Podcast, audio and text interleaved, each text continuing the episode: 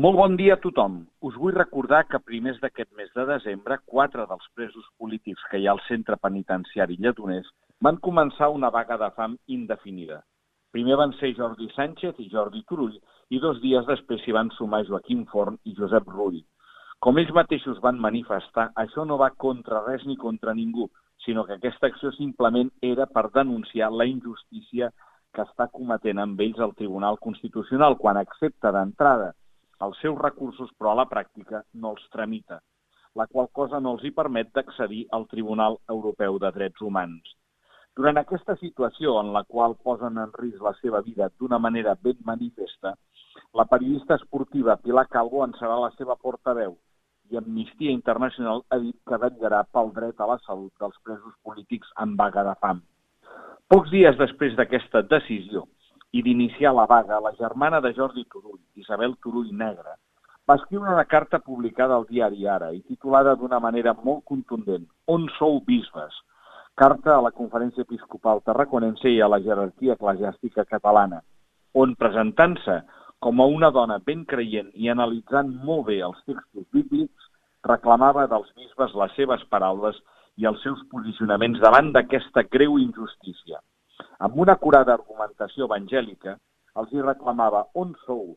On sou els que se suposa que heu de ser els meus representants? On sou els que us considereu representants de Jesús a la terra?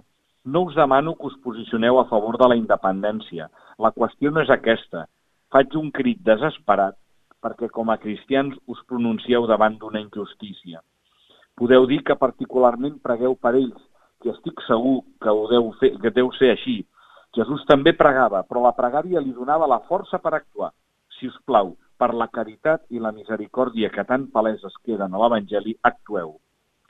Dos dies després, en el mateix diari Ara, la religiosa teresiana, activista social i escriptora Maria Victòria Molins, li contestava tot entenent la seva indignació i donant-li la raó, pel silenci notori, però també li feia veure que l'Església, més enllà dels bisbes, també som tots, i tots estem preocupats i ho denunciem. I acabava dient, i tant que ho denunciem.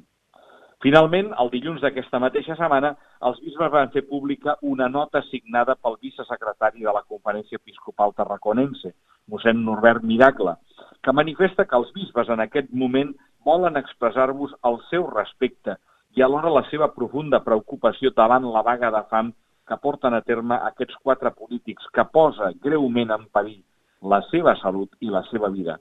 Els cristians som defensors de la vida i vetllem per no posar-la en risc. Aquesta iniciativa mostra la situació excepcional en què es troben aquests i altres dirigents catalans en presó preventiva decretada pel Tribunal Suprem, que els comporta un llarg temps de privació de llibertat sense que s'hagi celebrat cap judici oral. En el seu cas, costa d'entendre la llarga presó preventiva. Els bisbes confien que les autoritats judicials competents resoldran de forma ràpida i ajustada el dret als recursos plantejats i que el futur judici a què seran sotmesos serà un judici amb plenes garanties i en el mínim període de temps possible. Els bisbes de Catalunya reconeixen que les paraules d'Isabel Turull han estat colpidores per a ells i li diuen que sempre amb discerniment pastoral i per responsabilitat envers la missió rebuda han donat a conèixer de formes diverses amb les seves intervencions, en notes, en escrits, homilies, declaracions, entrevistes i intencions de pregària, el seu desig que s'arribi a una solució justa pels polítics empresonats, que ajudi la pau social.